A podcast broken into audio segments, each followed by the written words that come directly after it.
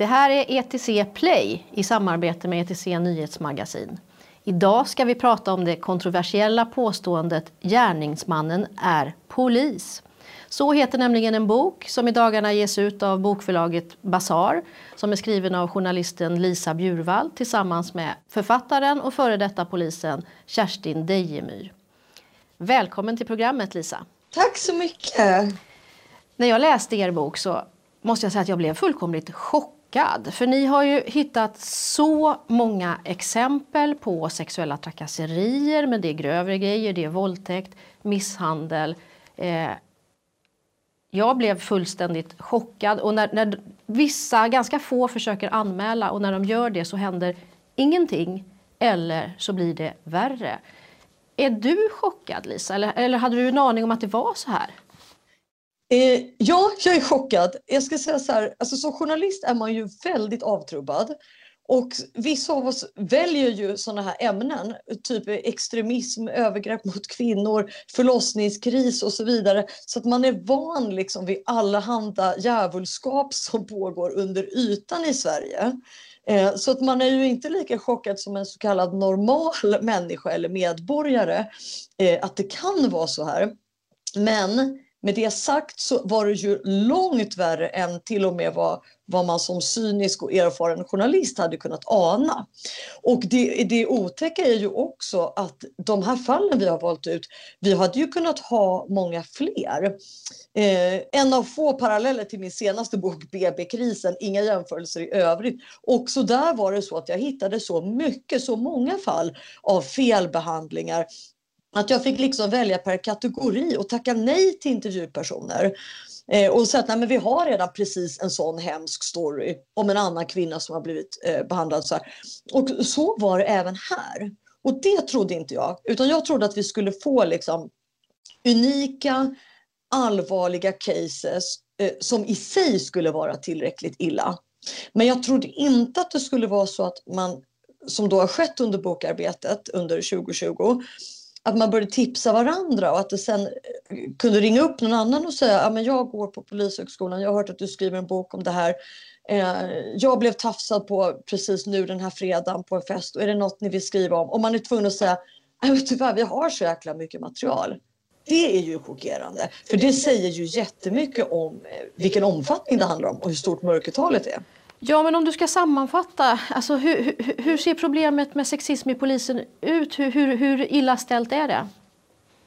Ja, om man sammanfattar så är det så här, det finns ett kulturproblem. Det är inte det här eh, försvarslinjen som eh, polisen ofta själva kör då, att det handlar om enstaka rötägg. Utan det har inte bara den här boken belagt utan även tidigare forskning, siffror från Polisförbundet och så vidare. Att det finns en stark kultur av eh, tystnadskultur och repressalier och sexism inom svensk polis. Eh, så det, så det, kan liksom ingen säga emot. Och då kan det handla om allting från en obaglig jargong till rena övergrepp. Och det som gör det speciellt allvarligt, får man väl ändå säga, eh, är ju att det finns en sån tolerans för det här. Och då vill jag verkligen liksom ta något konkret exempel här så att det inte blir luddigt. Eh, alltså både innan och efter metoo så finns det ju i Sverige en, ändå en konsensus på normala arbetsplatser om att eh, du går inte fram och nyper någon i rumpan. Du säger inte så här, lilla gumman, ska inte du dyka undan efter oss karlar som har suttit här och druckit kaffe? Eh, nej men du får inte följa med i polisbilen. Eh, det, du ska akta din, din snygga kropp. Eh, du ska väl gå till gymmet istället. Eh, även i vår bransch, mediebranschen, så är det klart att det finns folk som blir fulla och går över gränsen på eh, branschfester och liknande. Så ser ju samhället ut. Men det är ju en av de saker som har chockerat mig mest faktiskt. Att det sker så öppet och skamlöst. Så det säger ju också någonting om hur accepterat det är. Och det i sin tur säger mycket om hur djupt rotat det är.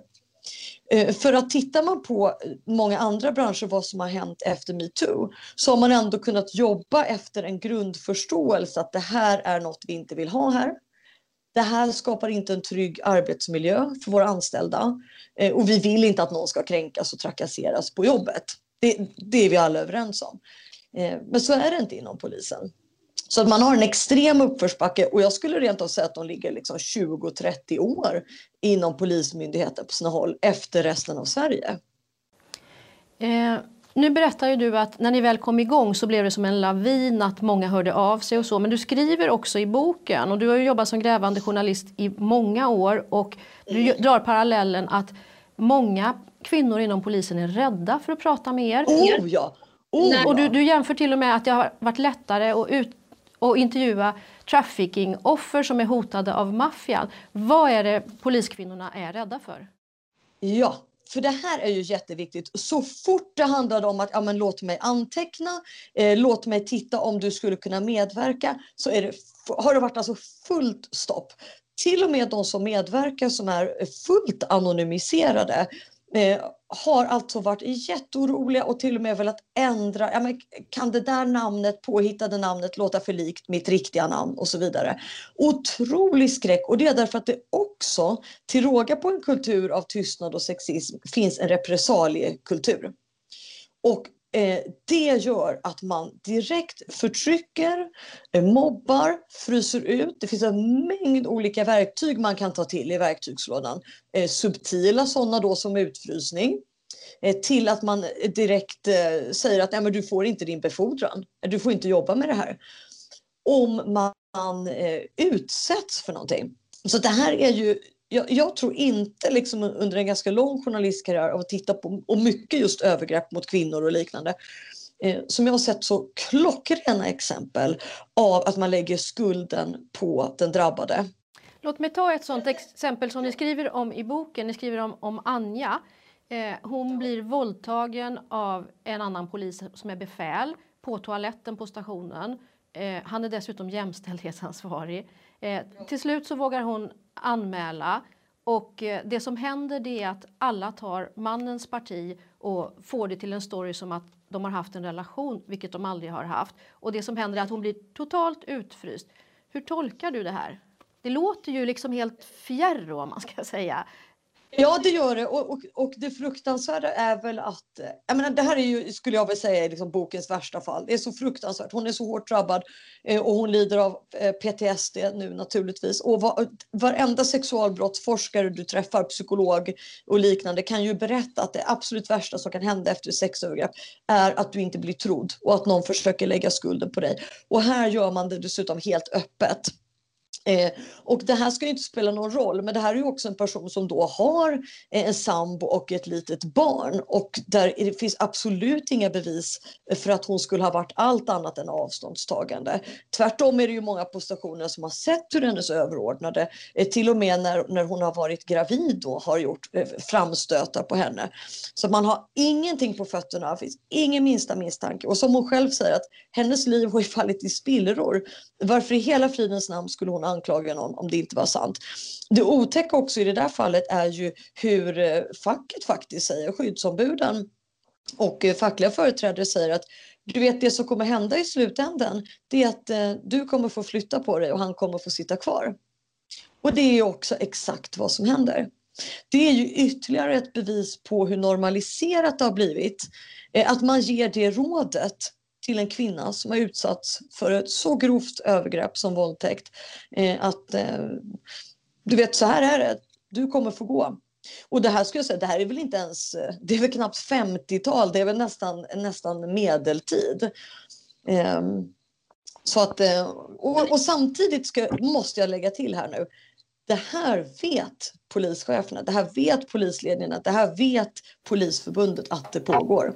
Ja, men där undrar jag en sak. Därför att eh, ni stöter ju på det här om och om igen med, med utfrysning. Och, och, och, vissa vittnar också om att så här, det kan komma kollegor i omklädningsrummet och säga vad bra att du försöker säga ifrån och ger ett stöd ja. så här i skymundan. Men sen i de allmänna utrymmena då får man inte det stödet för ingen, ingen vågar.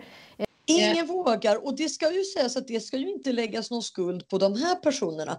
Därför att i ett sånt här osunt arbetsklimat kan du ju inte begära att andra människor ska riskera sin anställning. Vilket faktiskt då kan ske här. Men det som man undrar det är ju att en chef har ju ett ansvar att följa lagen, förhålla sig till arbetsmiljölagen och till diskrimineringslagen. Eh, och, och, den får ju inte acceptera det här. Är ju, utfrysning är ju mobbning, det är olagligt. Hur kan det komma sig att inte cheferna ingriper?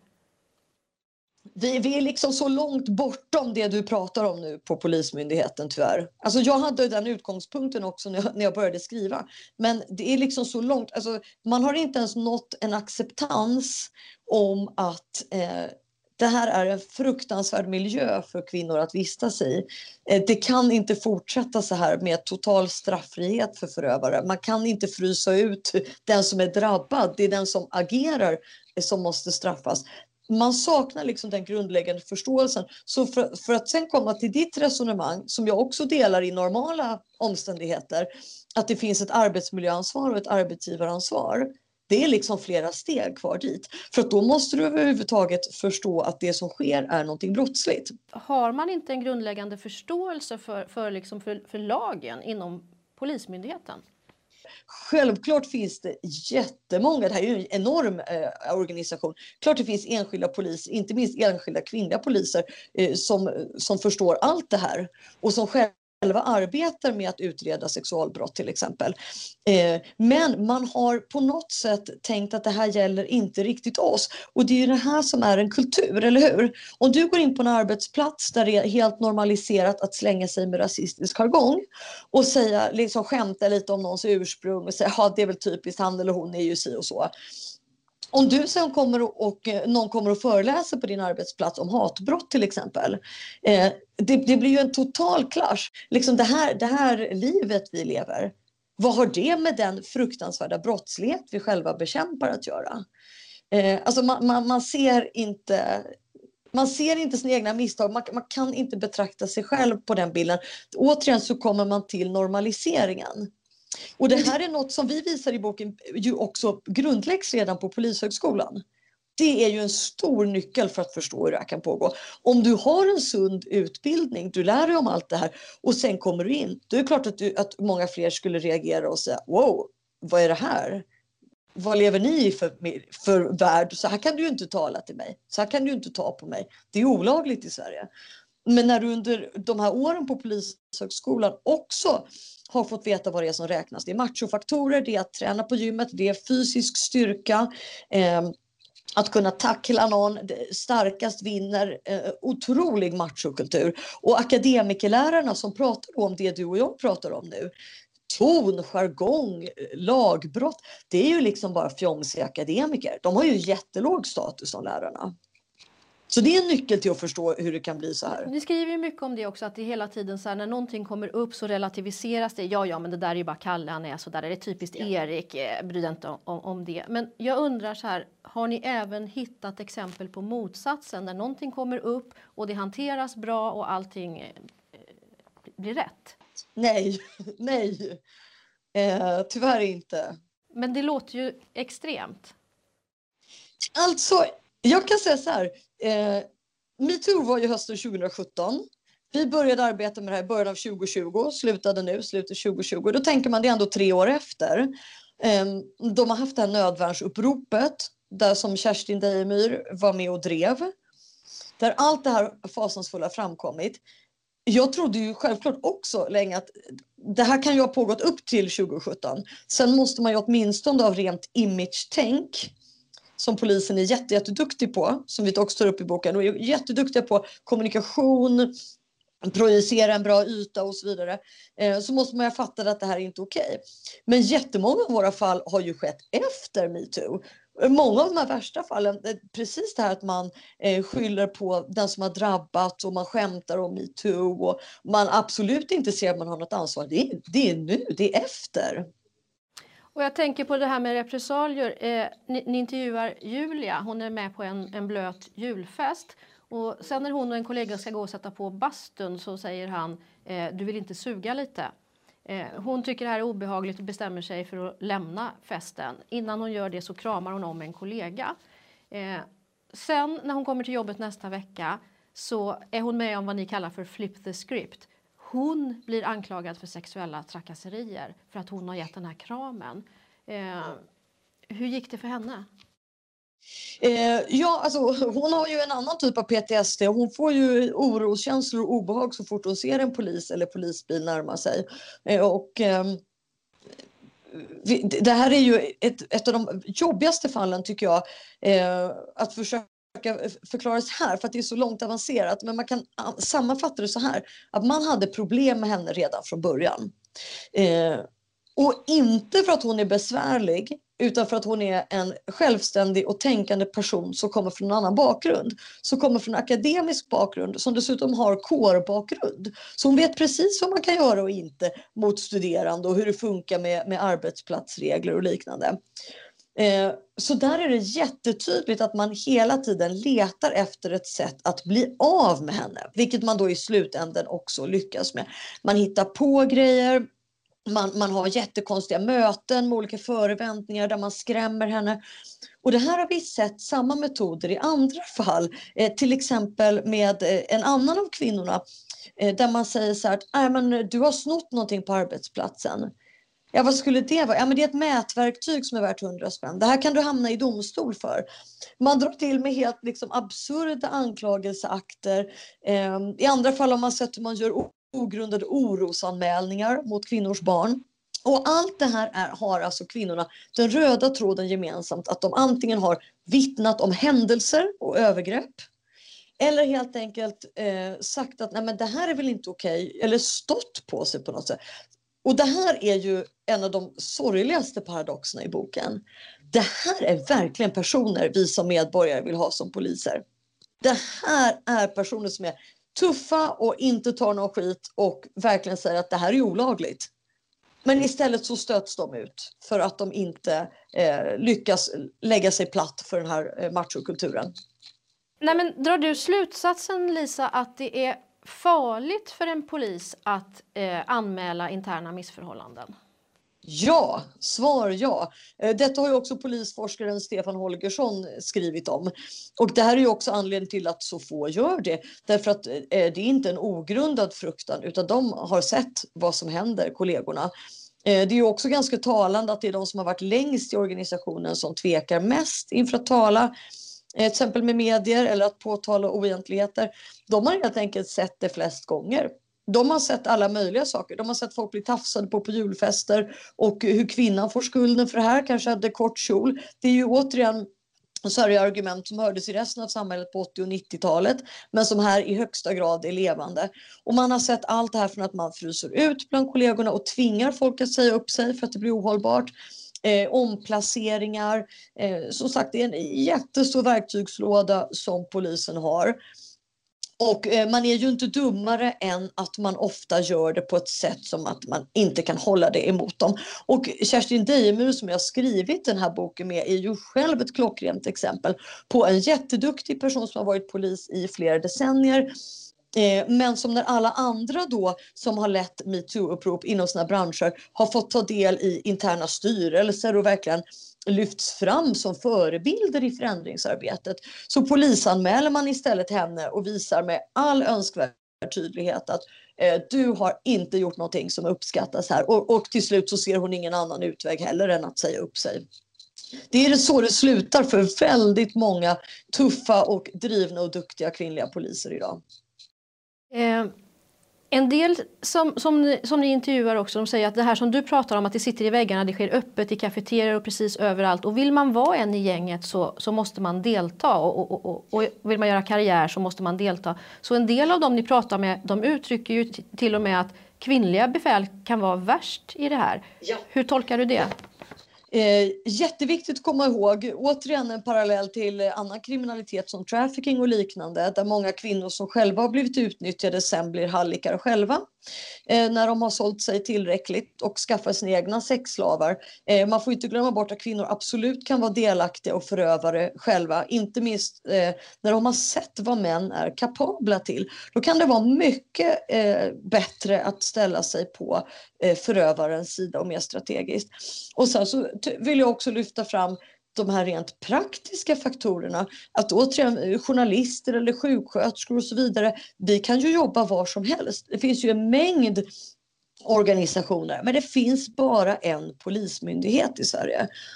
Har du då investerat i en utbildning, du har kanske till och med specialiserat dig på ett särskilt område inom polisen. Eh, det är ju inte så lätt att då bara komma och säga att ja men varför slutar du inte då om de tafsar på dig? Eh, varför, varför går du med dem istället? Ja men det är ju en fråga om överlevnad, mat på bordet, lön, eh, att det här är enda stället de kan jobba. Eh, så det är jätteviktigt att man, eh, att man inte lägger skulden på dem utan det är rädda människor som har valt eh, att följa med flocken som, som sin överlevnadsstrategi. Men självklart gör ju, gör ju också det förändring extra svårt Eh, för just Polismyndigheten. Eh, att när, när du har en skräck, en fruktan eh, för vad som ska hända och, och, en normalisering. Det är klart att det här är ingenting som, som kommer ändras i en handvändning. Alltså jag skulle säga att att få Polismyndigheten till år 2021 kommer ta till kanske 2031. Det är verkligen ett långsiktigt arbete som krävs. Och, och då är vi inne lite på det här med struktur. Ni, ni intervjuar också en, en kvinna som heter Karin som blir våldtagen av en annan polis och det tar lång tid innan hon till slut bestämmer sig för att hon ska anmäla och så kontaktar hon särskilda utredningar som de som utreder när poliser är misstänkta för brott. De tar inte emot hennes anmälan utan hon ska gå till polisstationen där han nu är chef och då väljer hon att inte anmäla. Alltså finns det ett strukturproblem här? Eh, ja, och det här är en person som är civil för att vi ville ha med den eh, aspekten också, att kvinnor i utsatthet ofta är drabbade av eh, våld från överheten på olika sätt, men även sexuellt våld som vi verkligen har upptäckt här. Eh, alltså det kan handla om unga kvinnor som är drogberoende, depression, ångestproblematik, måste bli körda till psyket eller kvinnor som är prostituerade. Eh, då finns det poliser som har gjort det till sitt modus operandi helt enkelt, att eh, zooma in på de här kvinnorna. Kapten Klänning är ju verkligen ett typexempel här. Eh, Göran Lindberg, tidigare rektor, som till och med hade en fil som kallades i princip kvinnor i utsatthet som han kunde bläddra och hitta sina offer i. Men det där har vi hittat att det pågår och där, där begår man ju ett direkt fel när man säger till henne att det går inte. Och sen drar de ut på det så länge så att när hon till slut tar mod till sig igen så säger de att ah, men det här fallet är preskriberat.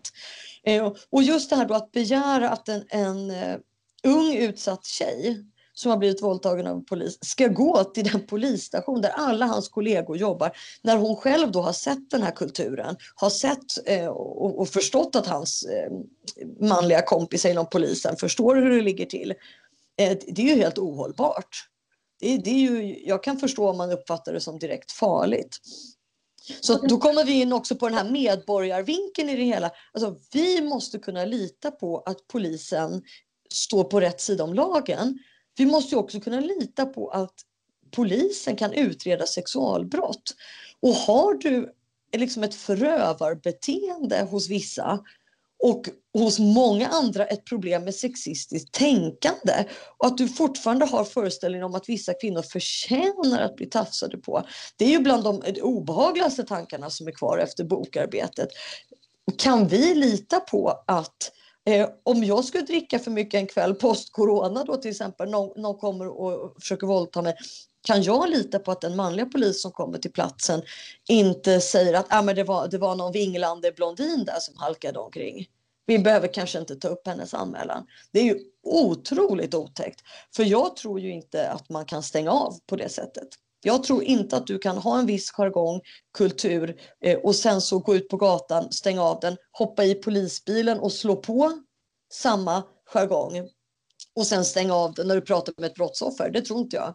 Men eh, då vill jag ändå invända därför att det finns ju också många som gör anmälningar till exempel om sexualbrott som känner att de får ett bra stöd från den polis de anmäler till. Och både du och jag har ju läst, eh, vet jag, Louise Amkoffs bok där hon beskriver sin tillvaro som tonårsprostituerad och hon beskriver ju i den en polis på en lokal polisstation som lyssnar utan att döma som ett jättebra stöd för henne för att till slut våga anmäla. Så Menar du att de poliserna är undantag i organisationen?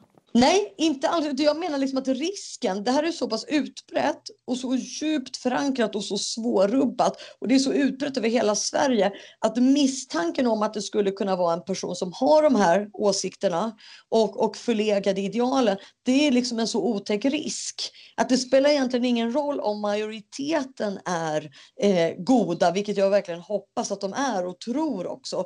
Framförallt kvinnliga poliser som jobbar med sexualbrott har ofta en väldigt stark Eh, övertygelse och drivkraft eh, och, engagemang i sitt jobb. Det här är ju inte ett, av de bäst betalda jobben. Det är stora risker, det är mycket övertid, eh, dålig lön och så vidare. Så man har ofta väldigt brinnande känsla för det här.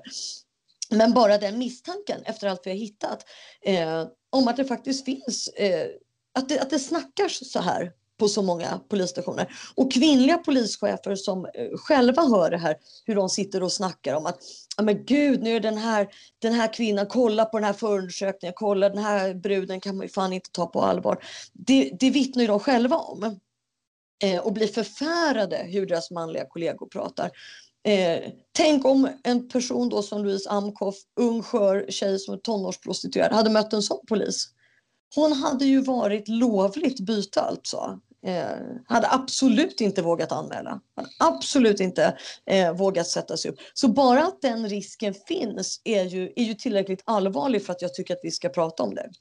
Ni, ni lutar ju också mot internationell forskning här eh, när ni skriver om att polisens eh, kontext ger en möjlighet att eh, eh, begå övergrepp. Sa samma ramar som ska göra polisens myndighetsutövning möjlig ger också som en gräddfil för den som har avvikande sexuellt beteende att, att begå övergrepp.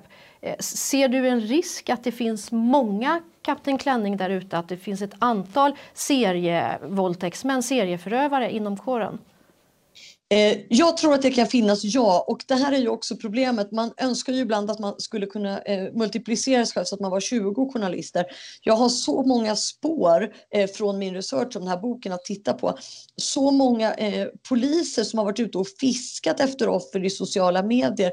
Och eftersom, för det här är en sak vi ännu inte har kommit in på, det är ju den här totala straffriheten som vi visar då att eh, det är otroligt svårt, nästan omöjligt att få en polis fälld för sexualbrott. De allra flesta utredningar går inte ens till åtal utan läggs ner.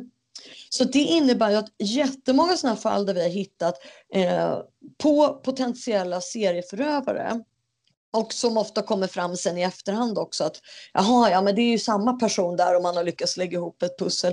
Eh, det är inte personer som försvinner ur kåren utan de får vara kvar. Och jag kan bara ta exempel det här Kalla fakta-programmet som nyligen har sänts som jag har varit med och arbetat med som kom som ett slags för, liksom program till boken. Eh, där det diskuteras en förövare som har utsatt en kvinna för sexuella trakasserier. Han får jobba kvar. Han är bara omplacerad. Och sen programmet sändes så har det ju kommit in massa tips eh, där folk säger att ah, men vi har också blivit utsatta för honom. Sen har det visat sig att det har varit externa konsulter eh, som har vägrat att arbeta med samma person. Och det visste man innan den här nuvarande tjejen som har vittnat i Kalla fakta, innan hon utsattes. Men där har det varit en chef som hela tiden har sagt att han, den här Kalle, han är så jäkla skön och han är bara lite kramig. Så då, bevis på bevis på bevis. Du har till och med anmälningar. Du har företag som säger vi skickar inte våra kvinnliga konsulter till er tafsande polisanställd. Eh, Ändå så får du vara kvar. Det här är bara ett exempel av hur många som helst. Så det gör ju att, äm, att det, det faktum att du kan vara kvar tills du blir riktigt korrumperad. Vi har ett exempel med Örebropolisen förra våren. Eh, en person som, det är liksom narkotikastölder, i princip så har han arbetat eh, påtänd. Riktig, riktig eh, nästan karikatyr av en Hollywood korrumperad polis. Eh, det var så långa åtalslistor i lokaltidningar. Jag tror att det var ett helt uppslag med 35 åtalspunkter. Ja, då är det ganska kört. Då åker du ut. Men jag menar, ribban kan ju inte ligga där uppe på att, på att du ska bli... Han hade ju i princip bytt sida. Jag var ju i, i princip en polis som var yrkeskriminell själv. Där kan ju inte ribban ligga för att du ska åka ut ur kåren.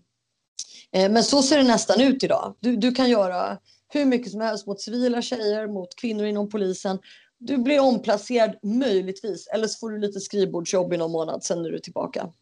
Där kan man ju dra tillbaka till den här tystnadskulturen som, som du beskriver. Ja. Men jag undrar ändå så här, kan det inte vara så här när ni har liksom tittat utifrån den här vinkeln att ni ändå har fått en för vinklad bild? För ni skriver ju också om eh, om Polisförbundets undersökning som kom för bara tre mm. månader sedan. Och där har de frågat poliser, eh, går det att lyfta interna missförhållanden? Och då är det ändå bara 27 procent som säger att det inte går. Så mm. om vi vänder på siffrorna så är det ändå nästan tre av fyra poliser som säger att man kan lyfta interna missförhållanden på stationen inklusive sexuella trakasserier. Är inte det goda nyheter? Ja, nej egentligen inte. Alltså, Polisförbundet har gjort den här undersökningen för att de visste att både bok och Kalla fakta var på gång. Eh, det är också en väldigt hög andel i, din, i deras undersökningar som berättar att de har varit utsatta eh, de senaste 12 månaderna. Och det är också intressant för det är de senaste 12 månaderna då är ju alltså två år efter metoo och polisens upprop nödvärn. Men det pågår ändå. Men alltså Polisförbundet betraktas ju väldigt mycket internt som några som står på chefernas sida. Eh, som några, man måste komma ihåg att polisen är en extremt hierarkisk organisation. Jag tror att mörkertalet är jättestort. När Polisförbundet ringer och frågar något, eh, då är det liksom snäppet under ledningen ringer och frågar dig någonting. Så det är nästan inte, men nu har jag sett att de verkligen har börjat gå ut hårt. För att nu har de ju fått en riktig eh, en blåslampa här. Så nu börjar Polisförbundet vara ute och härja i massa olika debattartiklar. Men om du tittar bara på till exempel Kerstin Dejemyrs fall så, så fick ju hon inte något särskilt stöd av facket när, när hon blev polisanmäld för att ha drivit ett metoo-upprop. Eh, så att de, de har inte varit eh, eh, särskilt mycket på de anställdas sida. Men ja, jag skulle inte säga att det är en felvinkling utan vi fokuserar ju på att lyfta fram det här problemet. Det är klart att du också kan lägga in liksom ett kapitel om en skitbra polis men på något sätt är ju det grund... Det, det här är, det är ju utgångspunkten är ju att svensk polis trots allt ändå är eh, för det mesta icke korrumperad. Sen vill ju, berättar vi om det som är dåligt. Jag hoppas ju att läsarna samtidigt kan ha i huvudet att det här är inte alla poliser. Men det tänker jag också på något sätt framgår eh, om man läser hela boken. Inte minst för att, eh, ja, men för att så många av de som vittnar själva är poliser och uppenbarligen står på rätt sida. För att Kerstin Dejemyr som har varit med och skrivit boken själv är ex-polis och, och förstod vikten av att driva ett metoo-upprop. Så att liksom, de goda krafterna finns men det händer så mycket om de eh, vågar säga någonting. Och en annan person som var med i Kalla fakta här är hon som reagerade över en sexistisk julshow. Och där går man ut alltså med eh, gör eh, falska orosanmälningar mot hennes barn och, och, andra otroligt otäcka repressalier. Om vi ska eh, stanna upp lite vid metoo-uppropet som var inom polisen. Av de här vittnesmålen i metoo så resulterade det till slut att det blev 214 polisanmälningar. Eh, de flesta var sexuellt ofredande, några var våldtäkt och några var misshandel. Eh, av dem så var det 60 där en åklagare inledde en förundersökning. Inget av dem ledde sen till åtal. Alla lades ner. Hur tolkar du det här? Eh, jag var helt chockad när jag såg de här siffrorna faktiskt. Därför att det vet man ju om man har skrivit om det här att det är, det är svårt överlag i svenska samhället att få ett sexualbrott till åtal. Men eh, inte så här illa och inte heller att förundersökningarna läggs ner trots att det finns vittnen. Och eh, det hade väl varit okej om de flesta av de här fallen hade varit preskriberade, att det hade varit så att man vittnade om saker som hade hänt på 80-talet. Men, men så var det ju absolut inte. Så att det är ju ett djupt tragiskt facit eh, som polisen egentligen tycker jag bör skämmas över. Att de inte internt kan ha eh, bättre siffror än allmänheten i stort. Eh, men sen är det ju också så att vi har fortsatt att titta på det och begärt fram ytterligare eh, fall från särskilda utredningar ehm, och ehm, där kan man ju verkligen se hur det är. Det är ofta så att ord står mot ord var det än händer. Eh, om det händer på en restaurang eller i en lägenhet och så vidare. Det är svårt eh, att bevisa ofta. Men i så många av de här fallen så har det faktiskt varit lättare än vad det brukar vara.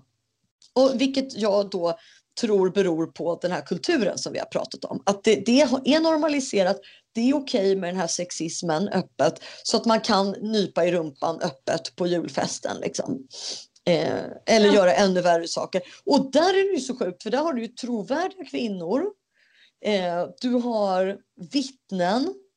Du har i många fall manliga poliser som har varit anklagade för samma saker tidigare. Och så bara läggs förundersökningen ner.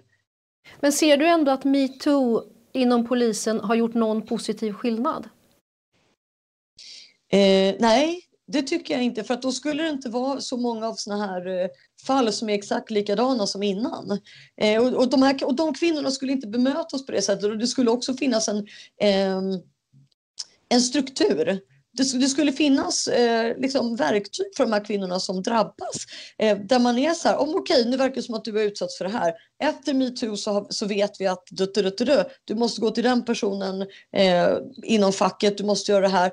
Vi har förstått att vi har ett arbetsgivaransvar. Vi har förstått att sexuella trakasserier faktiskt är olagligt. Och där har vi ju hjälp av en tidigare sexualbrottsutredare i många år eh, på polisen som nu är utredningschef på ett företag eh, som får titta på de här olika fallen. För, för jag och Kerstin tänkte också så här, har vi missuppfattat något? Men han säger att det är obegripligt att många av de här, att det bara är förundersökning läggs ner. Det är klockrent. Han är ju till och med så spetsig att han säger så här att eh, ja men när särskilt åklagarkammaren lägger ner ett fall där det är vittnen till att någon har tafsat på bröst och rumpa. Det de säger det är att det är okej. Okay i samhället. Det är plötsligt inte ett lagbrott. Utan då kan också jag gå till särskilt åklagarkammaren och, och, och, plötsligt sträcka ut händerna och eh, eh, tafsa på dem. För att det är tydligen inte olagligt längre. Men ni skriver också i boken att en sak som har hänt efter metoo det är ju faktiskt att man på Polishögskolan läser de här vittnesmålen. Är inte det en positiv förändring? Jag tyckte att det var positivt tills jag förstod hur det ändå ser ut när de kommer ut. Hur de ändå trycks in i den här mallen och i den här kulturen. För då blir det på något sätt ännu mer tragiskt att de har den här kunskapen och sen ändå trycks dit. Men jag ska också säga att det som har bidragit till att jag inte är lika positiv till det är också hur jag vet att hur metoo-uppropen har hanterats på arbetsplatserna, på polisstationer runt om i landet. Och ett väldigt vanligt förfarande eh, är att man liksom eh, sätter upp den i något hörn av anslagstavlan eller trycker in den i någon gammal bokhylla. Och så, så pekar man så här, eh, ah, förresten nu fikar vi här, käkar lite lussebullar. Förresten det står den där metoo-uppropsgrejen där i hyllan, ni kan kolla på den om ni vill. Ni gör ju också en jämförelse mellan polisen och Försvarsmakten. Det är väldigt liknande exempel, liknande typ av vittnesmål men en milsvid skillnad i hur det har hanterats. Försvarsmakten har tagit hand om det här, man har gjort strukturella förändringar, jobbar medvetet med, med jämställdhetsfrågor. Eh, ska man säga att det finns ett ointresse från Polismyndigheten att lyfta fram det här i ljuset och göra någonting åt det? Ja, det finns ett ointresse, men det finns också en, eh, vad ska vi säga, en oförmåga att inse att det ligger dem i fatet att inte göra någonting. Det är jätteproblematiskt. Eh, de verkar inte riktigt förstå att det missgynnar dem. När de samtidigt gör reklam för att de går ut i en ny rekryteringsdrive för eh, unga kvinnor, för personer med mångkulturell bakgrund och vill visa alla de här sakerna. Och samtidigt tar de inte tag i problemen. Då förstår de inte riktigt att ja, men den generationen kvinnor som kommer in, de kommer ju inte acceptera det här de kommer ju inte bli långvariga. Antingen kommer de tryckas ut eller så kommer de eh, som eh, en av kvinnorna som är med i Kalla fakta säga att det här är inte klokt. Det här, det här kan inte jag leva med. Jag kan inte arbeta i en sån här miljö och säga upp sig. Och det har man fattat inom Försvarsmakten. Man har mycket tidigare förstått att det handlar inte som polisen tycks tro väldigt ofta om att man ska vara PK, man ska, ha, eh, man ska liksom gynna feministerna, man ska försöka plocka politiska pluspoäng. Eh, utan det handlar om att det ska vara en dräglig miljö så att anställda mår bra, stannar längre och gör det bästa arbete de kan. De har, liksom, Försvarsvakten är inte dumma, de har investerat i sig själva. Men det finns också en jätteintressant parallell i att båda organisationerna är extremt eh, auktoritära och de är extremt hierarkiska. Så inom Försvarsmakten gick man tidigt ut från absolut högsta håll och sa att det här accepterar inte er ledning. Då hajade man till. Då fick man ut budskapet direkt att okej, okay, högsta cheferna säger att det inte ska se ut så här. Då lyssnar vi. Eh, du vet att, att kvinnor som har så låg status inom polisen, enskilda kvinnor som Kerstin Dejemyr går ut med sånt här uppror. Alltså det är inte värt någonting för de som beter sig så inom polisen. Utan det måste vara manliga toppchefer som säger ändra på er. Men när ni intervjuar polisens HR-chef Thomas Rosenberg så eh, så, så säger ju han så här, man hade hoppats att detta som förekom i en annan värld för 30 år sedan, men om det förekommer idag då har cheferna en skyldighet att ingripa. Och, och då verkar ju HR-chefen ha koll på att lagen ska följas, eller? Ja, det, ja alltså det är klart att han har koll på det på pappret. Men samtidigt så vet han ju också vad som inte görs. Och sen så tycker jag att det är löjligt när han själv liksom har fått eh, liksom de senaste årens upprop, eh, undersökningar som visar att det här förekommer. Och så ser man ändå till att uttrycka sig i termer som att om det här fortfarande förekommer. Och det, det säger han ju mot bättre vetande. Men det är också så här, i, en annan organisation så kanske det betyder mycket att HR-chefen säger sånt här. Eh, jag kan inte nog understryka hur, eh, hur en person som HR-chefen eh, är underställd rikspolischefen inom polisen. Alltså det här är inte en, eh, en person som har den tyngden. Utan du behöver att självaste rikspolischefen går ut och gör det. Men han har ju vägrat medverka i Kalla fakta. Däremot har han gjort lite videoklipp och lagt upp på polisen.se. Eh, men det är liksom inte tillräckligt. Och där har du haft överbefälhavaren som gick ut eh, från Försvarsmakten. Så det, det ger helt andra signaler. Nu är boken på väg ut. Eh, ni lyfter fram en rad grova exempel på missförhållanden. Är du orolig för att det här flip the script och repressalier kan drabba er som har skrivit boken eller kvinnorna som vittnar? Eh, jag tycker att vi har skyddat kvinnorna som vittnar tillräckligt. Eh, det finns några av dem som är kvar som jag känner lite oro för. Eh, jag är liksom helt beredd, eller var särskilt innan Kalla fakta, på att man skulle gå ut väldigt hårt och aggressivt mot mig och Kerstin Deimyr. Men jag tror att det har blivit lite för mycket för polisen. Det man märker nu, som de har gjort istället, eh, är ju att de har eh, skickat ut facket för att verkligen säga att det här är oacceptabelt. Och man har spelat in den här filmsnutten. Eh, så jag tror inte, som jag trodde tidigare, att de kommer gå ut med liksom all guns blazing och säga att det här är inte trovärdiga personer, det är en missnöjd anställd, det är en skum journalist eller liksom det som jag fruktade först. Eh, utan jag tror att de kommer välja eh, en, en lite annan strategi nu. Men, men det går inte att veta. Alltså har man läst så här mycket forskning om hur mycket hos polisen som går ut på att, att misskreditera de som vågar peka på oegentligheter. Eh, så är det ju absolut så att man tänker, ah, vad skulle de kunna göra här? Vad, vad, vad finns det? Det finns en oro. Och, och, på ett djupare plan så är det ju också så här, man är ju också medborgare. Det är ju otäckt att man ska behöva ha den oron för Polismyndigheten idag. Är, du rädd? Eh, nej men alltså jag är aldrig rädd men jag är orolig för om de skulle kunna få eh, påverka min karriär negativt genom att eh, eh, köra såna grejer som flip the script. Jag, jag menar, så här, om man till och med kan stöta ut våldtäktsoffer, om du till och med kan skylla det på kvinnan som har utsatts eh, vad kan man då inte göra mot någon som faktiskt har plockat upp fighten och skrivit en sån här kritisk bok? Jag menar om man, om man inte ens stoppar vid eh, våldtagna kvinnor och inte tvekar inför att sänka dem. Eh, så att jag skulle säga att det finns en slags hänsynslöshet inom Polismyndigheten där man gör allt för att skydda. Det är den så kallade kårandan man har pratat om i decennier inom polisforskningen, destruktiv kåranda. Där är vi mot dem utanför. Där på något sätt alla eh, metoder är tillåtna för att trycka till de som uppfattas som fiender. Kerstin pratar jättebra om det här i boken också. Vi och de som etableras tidigt. Vi poliser här inne och civila, alla andra kriminella, vanliga människor, journalister, alla andra utanför. Och man ser sig också hela tiden som eh, under hot. Man ser det hela tiden som att det är folk som hotar en. Så man är liksom en rädd organisation som lätt kan sparka eh, som lätt kan sparka bakut. Så det blir spännande att se om de tänker hitta på något nästan. Polisförbundet eh, beskriver att det fanns en viss energi runt de här frågorna under metoo men sen ebbade det ut ganska snabbt.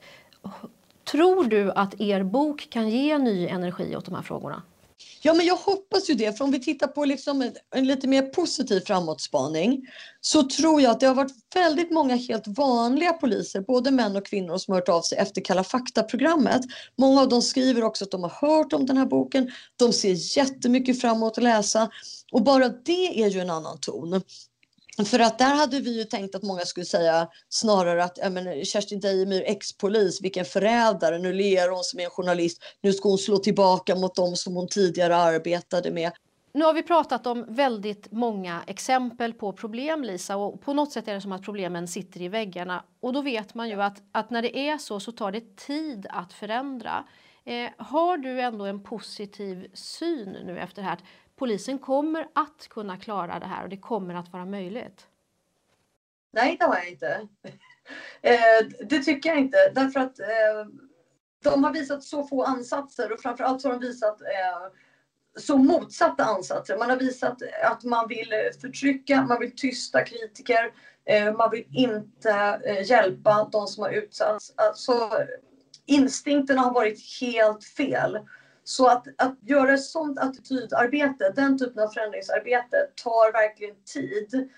Um, här behöver man hjälp av liksom allt från psykologer till organisationskonsulter. Man behöver hjälp utifrån. Eh, jag tror inte att en sån här dysfunktionell organisation som polisen kan klara det utan, eh, utan att ta in utomstående. För att man, man präglas så starkt av den kulturen man har eh, internt. Så man kan inte själva lita på att, att de kan göra ett så bra arbete. Eh, så jag, menar, jag säger inte att det inte kan bli bra om tio år, men, men man har sådana otroliga uppförsbackar på så många fronter. Och det, det, att det inte bara är en... Det är inte bara saker som sker, utan det är saker som aktivt tystas ner visselblåsare som aktivt förtrycks, det gör det extra allvarligt. Därför att det kan ske den här typen av saker i alla organisationer. Men på något sätt säger responsen så mycket mer om vilken typ av organisation du är än att en enskild eh, anställd faktiskt gör sådana här övertramp. Därför att eh, personer är människor, det finns bättre och sämre. Men det är responsen som säger mycket och man har visat att man är, eh, har så noll förståelse för, för hur det ska hanteras. Så sista frågan då Lisa. Eh, föreställ dig att jag är högsta polischef, sitter framför dig. Vad vill du säga till mig? Hur fick du det här jobbet? Du är ju kvinna. Det skulle förvåna mig väldigt mycket. Det skulle väl vara min första fråga. Eh, det andra skulle väl vara varför har du inte tydligare eh, visat för dina anställda att det här är viktigt? Vill inte du att dina anställda ska känna sig trygga på arbetsplatsen?